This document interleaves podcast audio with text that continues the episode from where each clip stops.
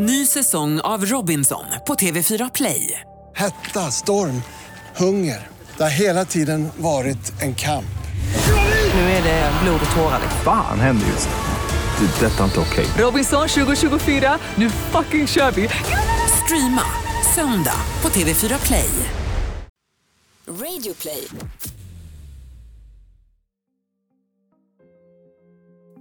Ett prydligt brev. Skrivet av en man som hävdar att han är oskyldigt dömd till 15 års fängelse. Det är starten för journalisten Katarina Lagervalls möte med Esa Teitinen och början på något närmast unikt i svensk rättshistoria. Katarina börjar gräva i fallet. Men kommer hennes arbete att räcka för att fria någon som är dömd för mord? Det här är Jag var där, en dokumentär från Radio Play av Andreas Utterström och Mattias Bergman.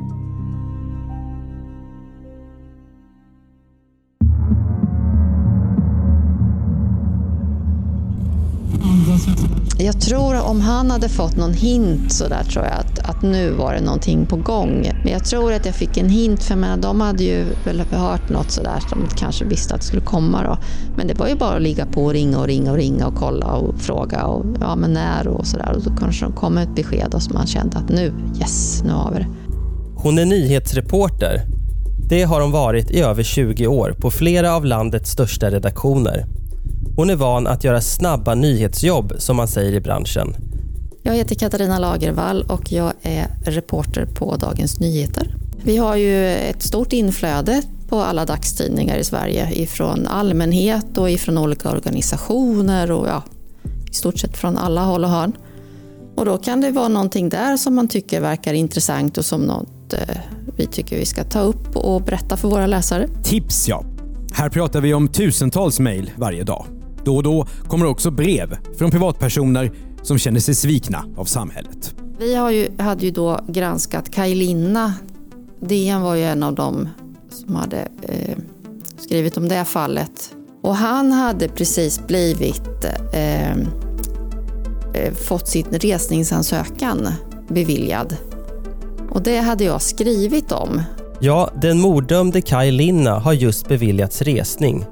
Domstolsväsendet tar upp hans fall på nytt. Linna har suttit i fängelse i 13 år och Katarina Lagervall har just skrivit om hans chans att bli frikänd. Och det är avgörande för vad som ska hända nu. Det var en aprildag och eh, vi har postfack då som eh, vi har till våra privata namn. Och då gick jag och förbi där, som man brukar göra, tog en sväng förbi och då hittade jag ett brev och så tog jag med mig det till mitt skrivbord och sen hände det en massa saker så jag hann liksom inte öppna det utan det tog en stund där innan jag öppnade. Och när jag slutligen gjorde det så eh, var det ett brev ifrån en person som satt fängslad för att ha blivit fälld för mord men ansåg sig då vara oskyldig. Och bad mig väldigt artigt att eh, ja, du får gärna titta på det här. En erfaren reporter vet vad de här breven brukar innehålla. Ofta handskrivna sidor, många sidor. Ibland skrivna med enbart stora bokstäver och med en ton som inte sällan närmar sig det rättshaveristiska. Men inte det här brevet. Det är inte skrivet eh, för hand utan det är skrivet på dator. Och så var det en massa fakta med då till eh, ja, domarna och olika personer och hans advokat. Och... Jag kunde det här utan till men det vet man glömmer. Ja, men det, det, det är inget konstigt med det. Ja, jag bara läser. Ja, precis. Jag har läst din artikel i DN som gäller Kajlinas resningsansökan. Mitt fall och dom påminner mycket om Kajlinas fall. Jag skickar lite bakgrund och information angående mitt ärende och då som vi kallar i DN doktor Görans brev hur hans uppfattning är på min dom. Hoppas att du är intresserad av fallet och hör av dig. Det här väcker Katarina Lagervalls intresse. Att morddömda anser sig oskyldigt dömda är vanligt. Och är det något som kan få en journalist att gå igång på alla cylindrar så är det när en enskild person har blivit misshandlad av systemet. Ja, och det var väl en av skälen till att det väckte min nyfikenhet. För jag tyckte att det var väldigt eh, sakligt. Det var väl underbyggt. I vanliga fall, eller de som jag har fått annars, brukar ju vara fyra sidor när man då pekar på hur oskyldig man är utan att kunna belägga det, om vi säger så. Och det kändes i tonen också på något sätt att, att eh, här fanns det något som inte var som vanligt så att säga. Brevskrivaren heter Esa Teitinen. Han skriver från fängelset och tipsar Katarina Lagervall om personer som han tycker att hon ska kontakta. Det är alltså människor som håller med om att han är oskyldigt dömd. Jag begär ut Eh, domarna från tingsrätten och hovrätten och eh, skummar igenom dem och stärks i min känsla av att det här kan vara något vi behöver titta vidare på. I Sverige hamnar mord och andra brottmål först i tingsrätten. Sen kan man överklaga till hovrätten. Esa Teitinen är dömd för mord i bägge instanserna. Domarna är ungefär 60 sidor. Där redovisas bevisningen och hur den har värderats. Katarina Lagervall läser domarna noggrant. Men hon känner sig inte alls övertygad. Det är så mycket otydligheter i domarna som jag hakar upp mig på. Men framför allt så tycker jag att det är väldigt konstigt att man kan döma en person för mord när man inte vet hur mordoffret har dött. Det finns inte en dödsorsak. Så då tar jag eh, med mig Esas brev och eh, säger till min eh, ny, jag går till min chef, alltså nyhetschefen då, och säger att eh, här är kanske någonting som vi behöver titta på. Du kan väl också då göra en bedömning vad du tycker.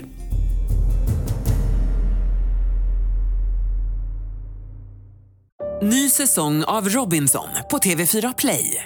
Hetta, storm, hunger. Det har hela tiden varit en kamp. Nu är det blod och tårar. Fan händer just nu. Det. Detta är inte okej. Robinson 2024, nu fucking kör vi! Streama söndag på TV4 Play. Ett poddtips från Podplay. I podden Något Kaiko garanterar östgötarna Brutti och jag, Davva, dig en stor dos skratt. Där följer jag pladask för köttätandet igen. Man är lite som en jävla vampyr. Man har fått lite blodsmak och då måste man ha mer. Udda spaningar, fängslande anekdoter och en och annan arg rant. Jag måste ha mitt kaffe på morgonen för annars är jag ingen trevlig människa. Då är du ingen trevlig människa, punkt. Något Kaiko, hör du på Podplay. Därför är gardinerna. Och när jag kommer tillbaka till eh, mitt skrivbord några dagar senare så ligger eh, en gul post-it-lapp på hans brev. Detta måste vi gå vidare på! Utropstecken, utropstecken ifrån min nyhetschef. Och vi bestämmer oss för att vi ska, ska granska det här fallet förutsättningslöst. Vi utgår ju liksom inte, vi har ju ingen uppfattning om huruvida han är skyldig eller oskyldig, utan vi tänker vi, vi tittar på det helt enkelt. Vad handlar då det här om? Vem är den här mannen som är dömd för mord? Ja, men alltså Esa är ju då eh, en man i 60-årsåldern som eh, har ursprungligen kommit från Finland, som har flyttat till Sverige. Han är smart, han är intelligent, skärpt, han eh, kan uttrycka sig väl och eh, men har väl liksom, ja, han har hållit på mycket med affärer som han säger och det har väl varit i, vissa fall kanske inte helt och hållet inom lagens råmärken eftersom han har spenderat en tid inom lås och bom också. Då. Men eh, han, han har ju temperament men samtidigt så är han, ja på något konstigt sätt så får man någon slags förtroende för honom också. Han, han är rättskaffens också, tycker jag. Första gången man kan läsa om Esa Teitinen i svenska medier är 1995. En skruvad historia om hur han, som då är affärsman i Finland, har köpt den gravt alkoholiserade backhopparen Matti Nykkenens medaljer. Därefter är det tyst om Teitinen i tidningarnas arkiv. Nu har Teitinen suttit i svenskt häkte och fängelse i nästan sju år. Det handlar om en händelse den 14 december 2009. Något som svenska medier inte heller har rapporterat särskilt mycket om. Esa Teitinen bor i Sverige sedan många år och har lärt känna en man som vi kommer att kalla Torbjörn. Den bilden jag har fått, dels genom ESA och dels genom att läsa honom, det var att det var en man som hade haft ett ganska gott liv från början. Han hade haft en affärsrörelse och eh, hade haft en ganska bra ekonomi. Och det sa väl lite också det här, han bodde ju i en femrummare ändå. Eh, och eh, verkar ju liksom ha egna pengar och så. Då. Men samtidigt så hade han svåra alkoholproblem och han hade väl som Esa sa supit bort sitt äktenskap. Och med därtill hade väldigt dålig relation med sina barn. Esa Teitinen och Torbjörn är vänner. Men det är ingen jämlik vänskap. Torbjörn lider av flera sjukdomar och dricker på heltid. Esa Teitinen tycker synd om honom och bestämmer sig därför för att hjälpa sin vän. Han fungerar nästan som en inofficiell personlig assistent. Den 14 december 2009 kommer Esa Teitinen hem till Torbjörns lägenhet i Solna utanför Stockholm. Vännen är i dåligt skick, nedkladdad med blod efter att han ramlat, men också med avföring. Esa Teitinen tar honom därför till badkaret för att hjälpa honom att tvätta sig. I lägenheten finns också Torbjörns städerska, som vi kallar Mona. Teitinen tappar upp ett bad, men efter en stund bestämmer han sig för att gå till apoteket och skaffa den medicin som behövs. Men han hinner inte långt. Klockan 15.08 ringer Mona till Esa och berättar att Torbjörn inte längre andas. När Esa Teitinen kommer tillbaka till lägenheten hittar han Torbjörn död i badkaret. Han ringer då SOS Alarm. Brandmän, ambulanspersonal och läkare kommer. Eftersom han och Mona inte lyckats lyfta Torbjörn ur badkaret ligger mannens döda kropp kvar där. Med i den här historien finns också en läkare Låt oss kalla honom Göran. Han är också vän till Torbjörn. Göran har dessutom lånat ut pengar till ESA, som han också känner. Göran är utbildad jurist och har hjälpt Torbjörn att upprätta ett testamente. Enligt det så ska Esa Teitinen få ärva hälften av vad Torbjörn äger, alltså den del som inte går till döttrarna. Så att han den här doktor Göran, han bidrar ju till att misstankarna, dels att det, att det liksom blir mordmisstankar men också att ESA dras in i det här. För han förnekar ju att ESA har haft någon som helst kontakt med honom. Så det gör ju då att, att han själv också blir misstänkt till en början och sen då har han fått så mycket ånger för att han ljög där inledningsvis i den här polisutredningen. Så att han då för att gottgöra det så har ju han vänt sen. För i det här första brevet som ESA skickar till mig så finns det ett personligt brev då som doktor Göran har skrivit där han då förklarar att jag har ja, betett mig dumt och jag tror helt och hållet på ESAs eh, oskuld och, och ja, förklarar lite som någon slags karaktärsvittnesmål då, eller vad man ska säga. Det här gör polisens utredare misstänksamma och det är inte så konstigt. Polisen misstänker nu att Esa Teitinen och Göran tillsammans har planerat mordet för att komma åt pengarna. För om det är något som Teitinen behöver så är det pengar. Hans ekonomi är körd i botten. Kring nyår och början av 2010 utreds hur Torbjörn har dött. Ur rättsmedicinsk synvinkel anses dödsfallet som oklart, troligen onaturligt dödsfall. Ja, så skriver rättsläkaren. Någon vecka efter händelsen startar en polisutredning och i mars anhålls Esa Teitinen. Många i Torbjörns närhet förhörs. Inte minst städhjälpen Mona som ju har varit i lägenheten. Efter många förhör säger hon till slut att Esa Teitinen har dödat Torbjörn i badkaret. I augusti 2010 dömer Solna tingsrätt Esa Teitinen till 13 års fängelse för mord.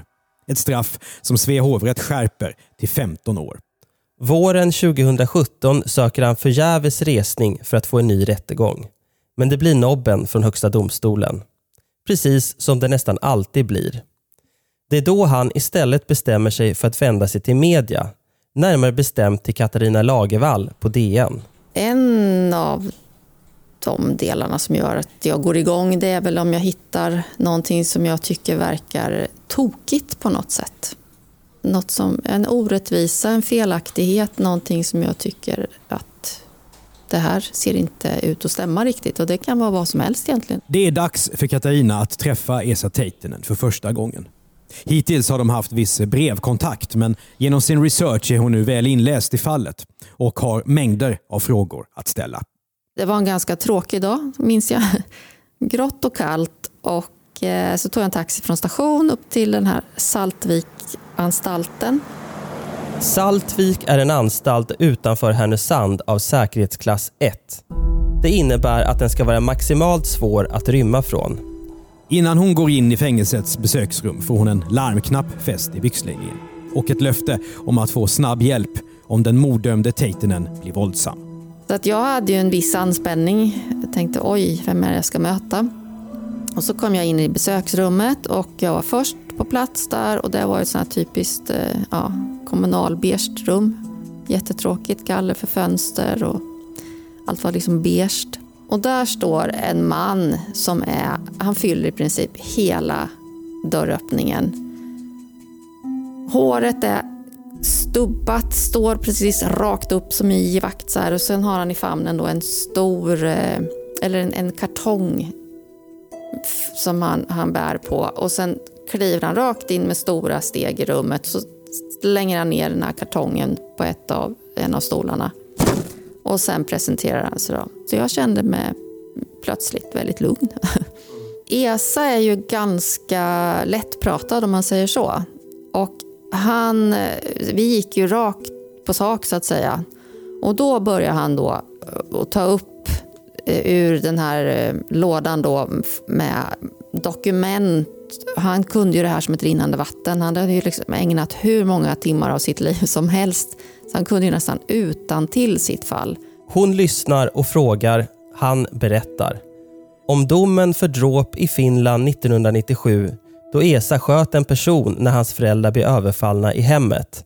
Om relationen till Torbjörn och kontakten med doktor Göran, han som också skrev testamentet. Bordet i besöksrummet fylls av papper. Pulverkaffet är urdrucket. Han var väldigt saklig. Han tog ju fram saker som han självklart tyckte var felaktigt då, men alltså, han hade hela tiden att han kunde belägga dem.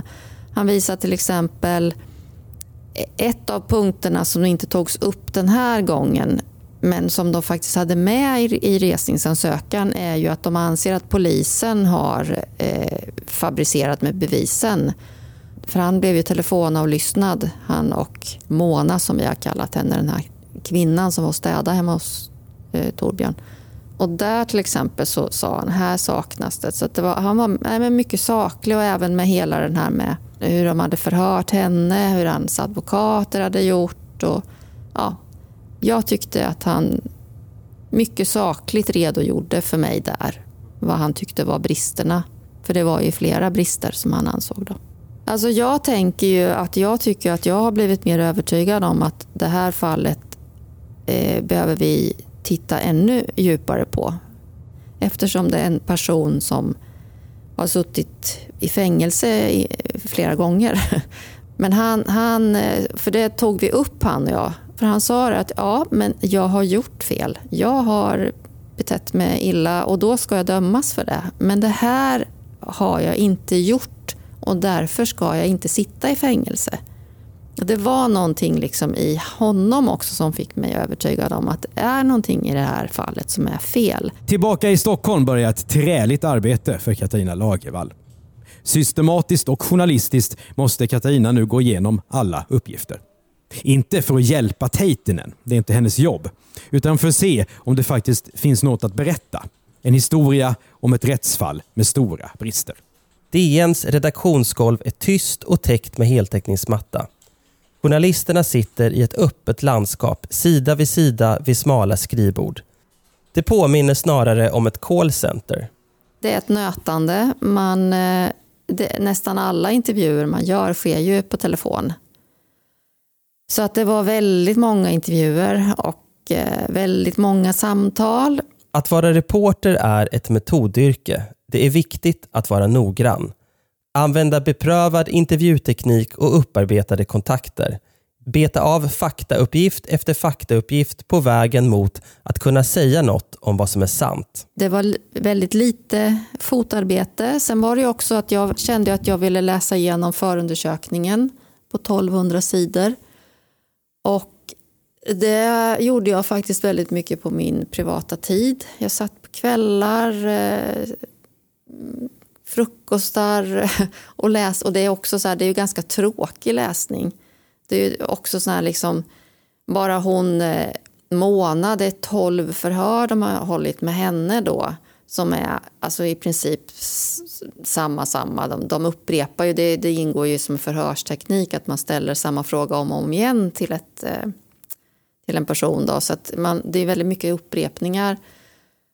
Och liksom sitta och läsa det där då var ju också ganska tidsödande. Så jag har ju lagt en hel del faktiskt privat tid på den typen av jobb för att sätta mig in i fallet också. Alltså som tur är så har jag ju ingen familj. Så in, inga sura miner hemma, hemma Nej, alltså? det slapp jag i alla fall. Katarina pratar med den pensionerade polisutredaren Jan Olsson som engagerat sig i lag Teitinen.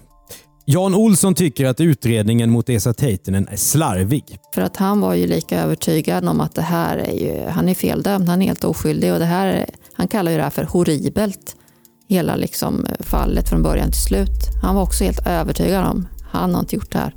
För att inte bara höra vad den ena sidan har att säga söker Katarina också Torbjörns dotter och talar med hennes advokat. Jag tog också kontakt med hans advokat Björn Hurtig som hade dels haft fallet i hovrätten och sen även haft hand om hans första resningsansökan.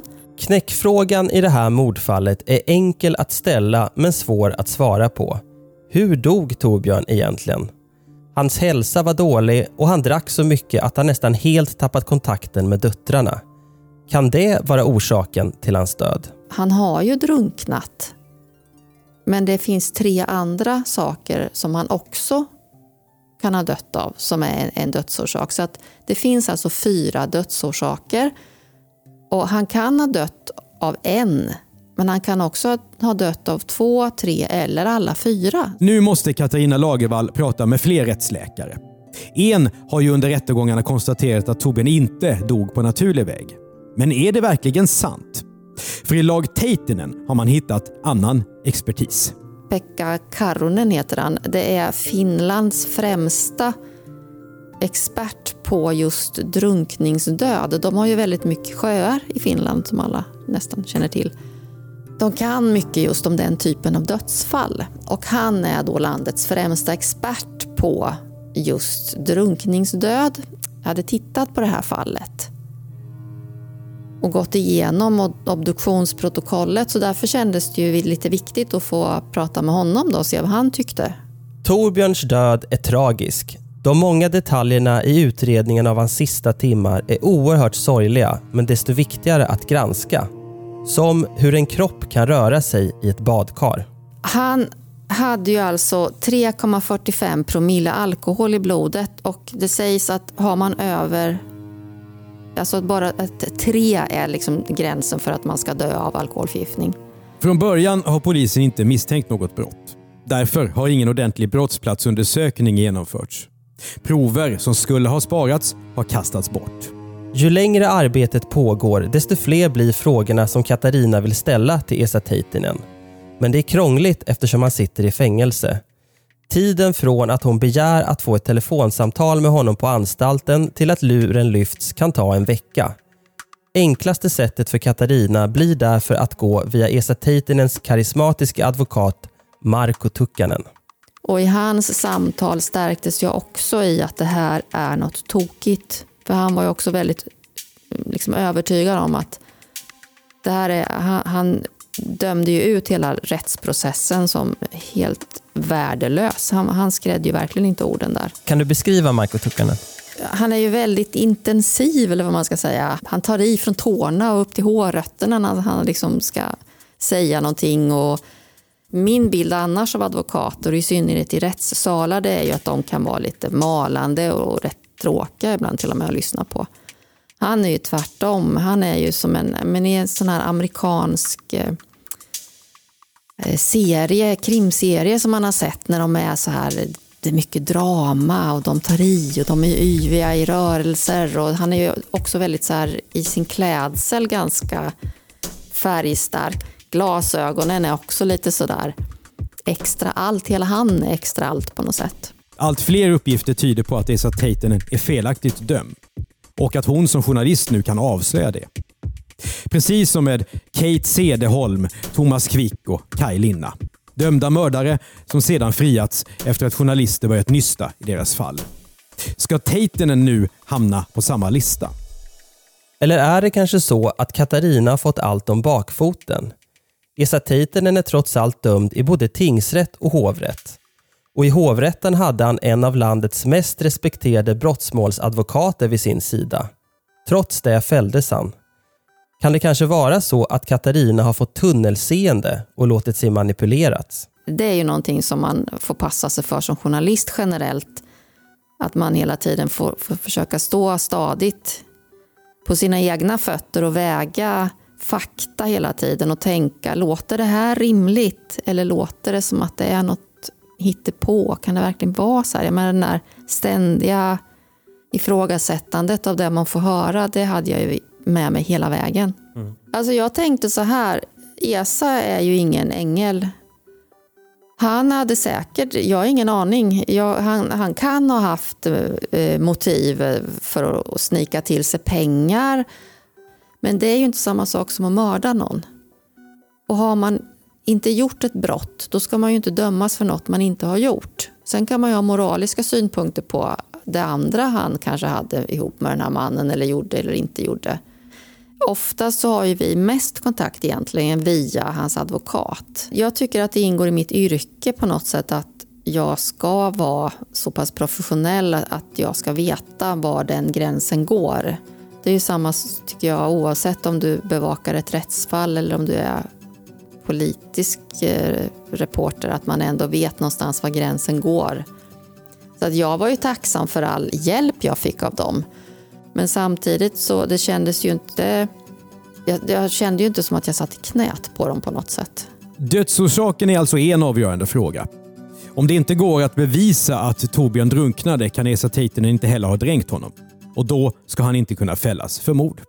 Men det finns också en annan viktig faktor. Förhören med städhjälpen Mona. Det vilar ju bara på hennes vittnesmål. Och det vittnesmålet kom ju först efter att polisen säger till henne i, jag tror det var 12 förhör, jag tror det var det tionde förhöret, så säger de att Esa har sagt att det var hon som mördade Torbjörn. Då säger hon nej, Esa mördade honom.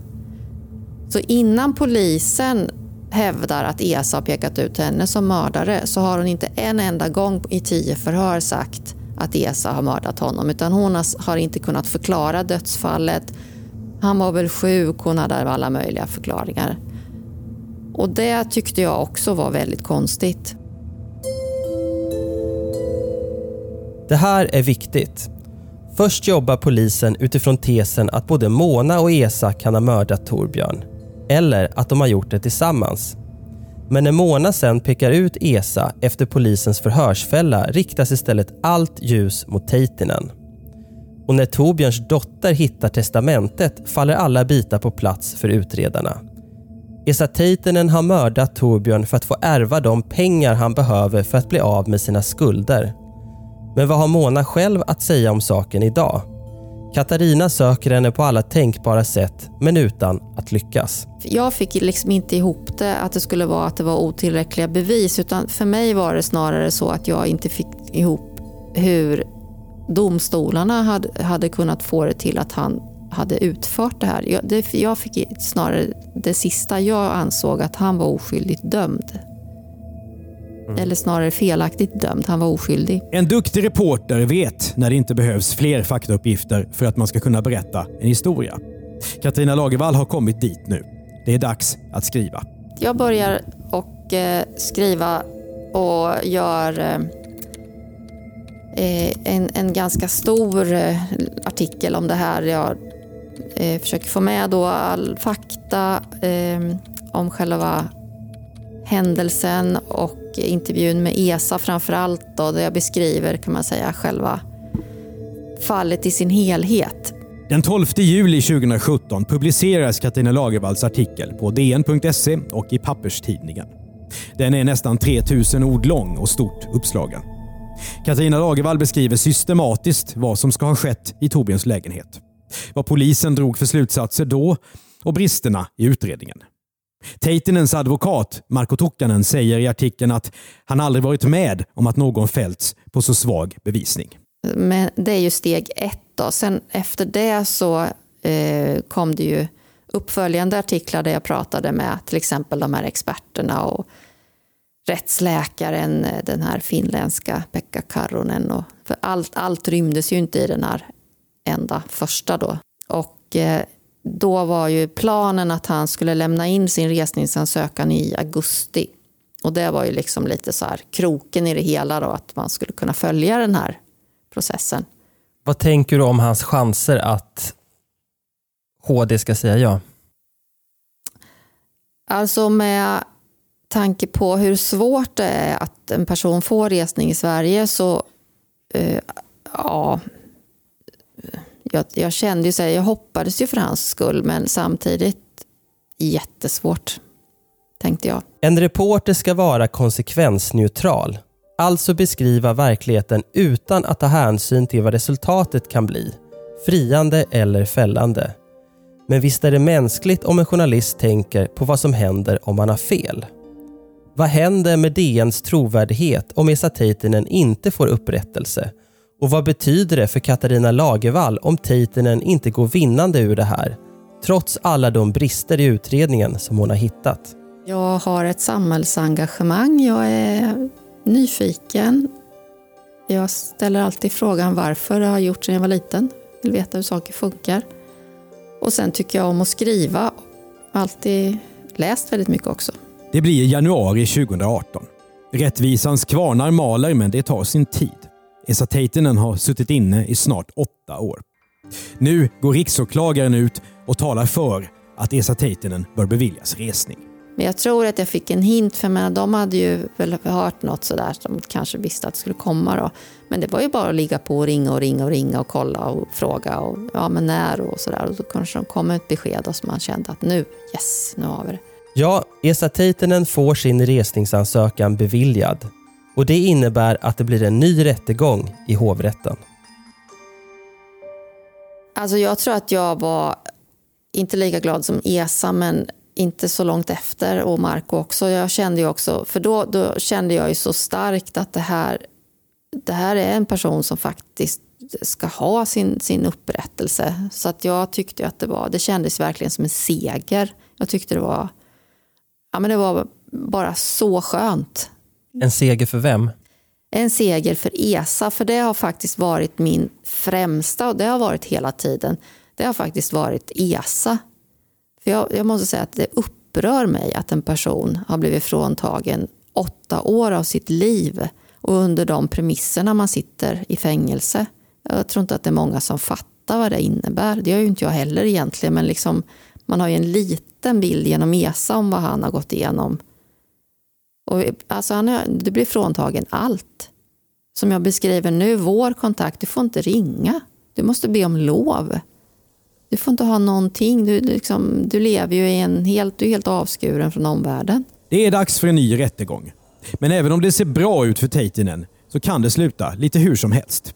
Så att åklagaren, den nya åklagaren då, hon kunde ju lika gärna ha lagt ner och, och sagt att nej, jag tycker inte att det finns tillräckligt för att driva det här till en ny förhandling. Vi lägger ner.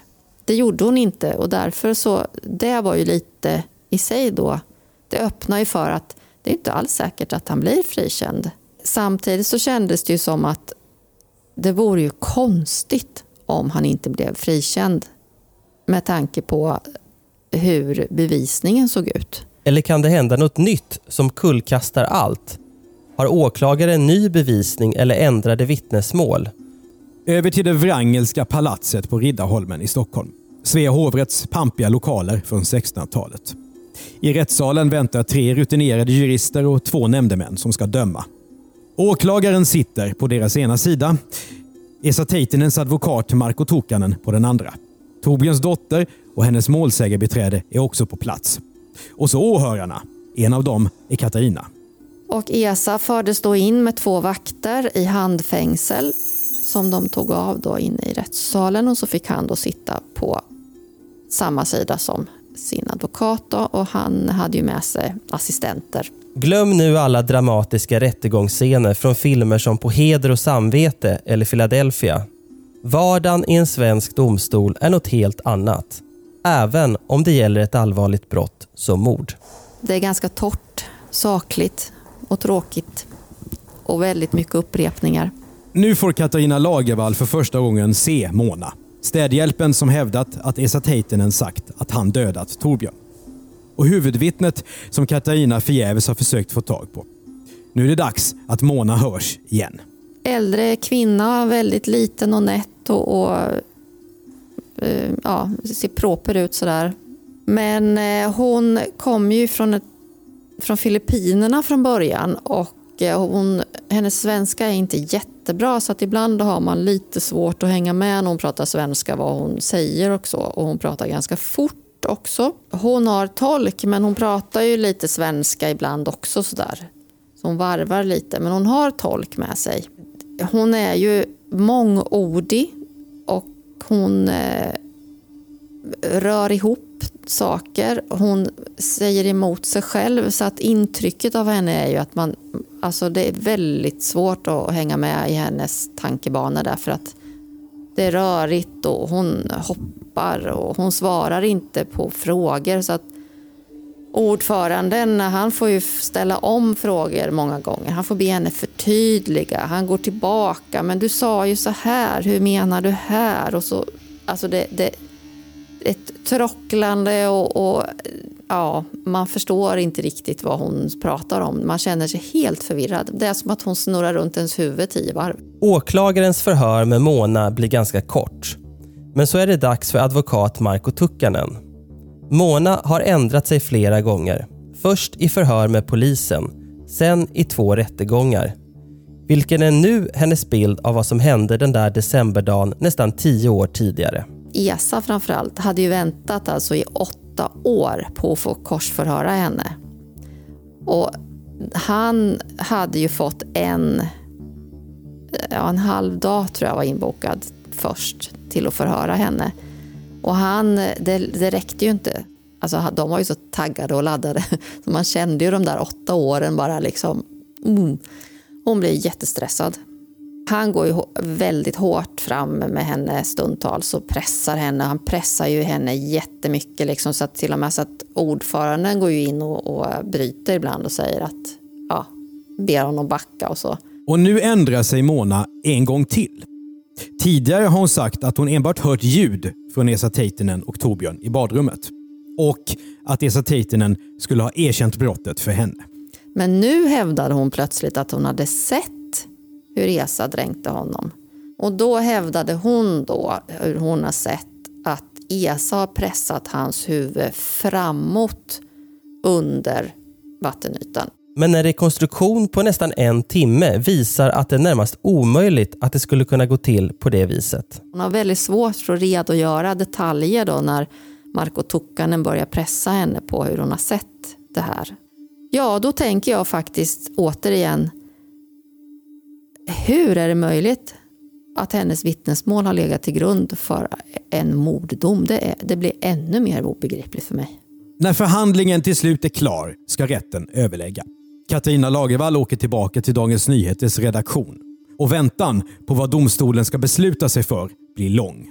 Man fick en liten klump alltså i magen att oj, varför tar det sån tid? För att jag trodde ju ändå någonstans att det här kan ju inte vara så svårt att frikänna honom nu. Jag hade ändå någon liten sån där, det, det, vad är det de ska diskutera? Katarina Lagervall jagar Esa Teitinens advokat, rättens ordförande och domstolen. Kanske kommer inget besked förrän nästa dag. Sen fick jag, eh, jag satt på redaktionen och sen fick jag ett sms ifrån Marko Tukkanen nu liksom har vi fått besked. Nu, han, han släpps eller något sånt där. Så jag bara ringde upp honom direkt och bara, är det klart? Så. Oh, nu, vi har fått besked precis, han släpps. Jag hinner inte prata om det, jag måste åka dit. Det var liksom så här. Och då gick jag igång på, bara, det var ju som så här, bara, yes! Man fick ju den där känslan, han släpps. Och eh, hela redaktionen eh, eh, också sådär bara, va, han släpps, han släpps, han släpps. Ur hovrättens nya dom. En sammantagen bedömning av åklagarens bevisning leder till slutsatsen att det inte är ställt utom rimligt tvivel att Esa Teitinen har dödat Torbjörn. Åtalet för mord ska således lämnas utan bifall. På Kronobergshäktet är det tjockt med journalister. Där möter Katarina advokaten Marko Tukkanen. Alltså han hade ju också haft värsta anspänningen. Man såg ju på honom att det var sådär när det började släppa liksom. Så att han grät faktiskt. Han kunde inte hålla tillbaka tårarna när han fick fråga liksom, hur, hur känns det nu när, när du, alltså ni fick rätt och det här. Så det var väldigt mycket eh, känslor där och sen då äntligen när man ser, för det är som en liten korridor då, eller vad man ska säga, fram till den här låsta dörren så ser man då hur Esa kommer med papperskassar och sen någon röd madrass under ena armen. Då, så kommer han gående med någon vakt bredvid sig som låser upp dörren. Och sen hela liksom, det var ju som en amerikansk film, du vet när det här pressuppbådet och alla bara fram samtidigt och massa mikrofoner och alla ställde frågor och han skulle försöka svara på det. Nu får Katarina träffa Esa Teitinen för första gången utanför murarna, som en fri man. Esa är stram och saklig, men påtagligt tagen av situationen. Men då såg jag hur han, alltså det var ju, han var ju på vippen och började gråta också. Man såg liksom darra lite grann på läppen. Man försökte verkligen hålla tillbaka så mycket liksom, känslor som bara måste ha farit genom hela hans kropp där. Den känslan och, och liksom ta första steget efter så många år och sen bara konstatera någonstans för sig själv att nu är jag fri. Samtidigt kändes ju så rätt att se honom komma gående. Det var ju liksom bara där han skulle vara. Det är en glädjens dag för Dagens Nyheter och för Katarina Lagervall. Kate Cederholm, Thomas Quick, Kaj Linna och nu Esa Teitinen. Dömda mördare som friats tack vare grävande journalister. Men vad är då lärdomen som man kan dra av det här? Lärdomen är väl den att eh, rättssystemet eh, inte är ofelbart. Och det tycker jag att man måste bli mera medveten om i Sverige. Många anser ju att det är alldeles för svårt att, få resning i Sverige med det systemet vi har nu. Så att det har ju lagts fram motioner om det i riksdagen och eh, det verkar liksom inte finnas något riktigt intresse där för att ta tag i frågan, vilket är lite konstigt tycker jag. Gissar då, uppskattar och har gjort eh, studier på det här. De tror att det kan vara mellan 1 och 2 procent i de svenska fängelserna som kan vara felaktigt dömda. Men det är ju inte säkert att alla är, är mord det handlar om eller allvarliga brott. Då. Som alla reportrar går Katarina Lagervall vidare till nya historier. Hon och Esa Teitinen är inte nära vänner men de fortsätter att hålla kontakten. Inte minst för att den här historien ständigt tar nya vändningar. Det gäller nu Esa Teitinens nya liv i frihet. På film går den friade personen ut genom fängelseportarna för att sedan återgå till ett vanligt liv. Men i verkligheten är det mer komplicerat. Det drabbar också Esa Teitinen när han lämnar kriminalvården. Före morddomarna var hans liv tyngt av skulder, men ordnat. Han hade en bostad, men i samband med fängelsedomen tvingas han säga upp den. Och ännu har inget skadestånd betalats ut. Taten är helt enkelt pank och har ingenstans att ta vägen. Socialen hänvisar honom då till härbergen eller vandrarhem. Då väljer han att istället sova i en park i Stockholm i protest. Och det var ju också, tycker jag, det var, det var ju skamligt att behandla honom på det här sättet. Det var ju som min chef sa, har man låst in en, människa i åtta år, om, om man har gjort det felaktigt från samhället, de borde ju erbjuda honom sviten på Grand. Att vila in i pension efter åren i svenskt fängelse ligger inte för Esa Teitinen. Han måste ju hela tiden ha projekt sådär eh, på gång då, så han eh, har bland annat då visat med bilder och eh, lite så här på hans liv i Finland. Han köpte något gammalt, någon sån här äldre, eller ålderdomshem tror jag. Som han har eh, rustat upp och ska ha som någon form av eh, rekreations eller hotell eller bed breakfast, någonting sånt där. Men sen har han också äldre personer där. Så han, men sista ordet i den här rättsprocessen är faktiskt inte sagt heller än då, för han har ju stämt staten. Och eh, jag följer ju den processen nu. Om man tänker sig att livet går upp och ner i vågor så befinner sig Esa Teitinen i rätt del av diagrammet just nu. Han har fått upprättelse. Han har begärt 25 miljoner kronor i skadestånd och fått ut nästan 9 miljoner för de åtta år han satt felaktigt i fängelse. Men Esa Teitinen är inte nöjd. Han vill ha mer pengar eftersom han menar att polisen ljugit om vad han sagt i sina förhör för att sätta press på städhjälpen Mona. Och det är olagligt. 63 år gammal startar Esa Teitinen en ny fight. Som om det inte fanns några risker. Om han förlorar den nya rättsprocessen får han själv betala advokatkostnaderna. Men Katarina Lagervall menar att Teitinens rättspatos är för stort för att inte ta striden. Jag kan förstå honom där också. Han tycker att han... Eh, ja, han vill liksom ha rätt hela vägen. Och han är ju envis. Han är exceptionellt envis. Och Så att jag förstår att han vill driva det här. Det beskriver hans karaktär på ett väldigt bra sätt tycker jag. Du har hört ett avsnitt av Jag var där, en dokumentär från Radio Play av Mattias Bergman och Andreas Utterström. Exekutiv producent Jonas Lindskov.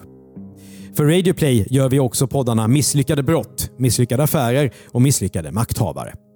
Normalt så driver vi specialistbyrån för innehåll, commercial content och gör du podden världens bästa innehåll.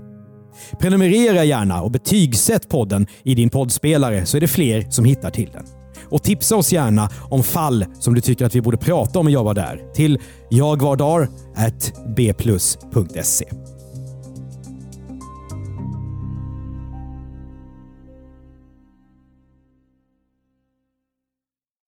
Ny säsong av Robinson på TV4 Play. Hetta, storm, hunger. Det har hela tiden varit en kamp. Nu är det blod och tårar. Fan händer just nu. Det. är Detta är inte okej. Robinson 2024, nu fucking kör vi! Streama söndag på TV4 Play.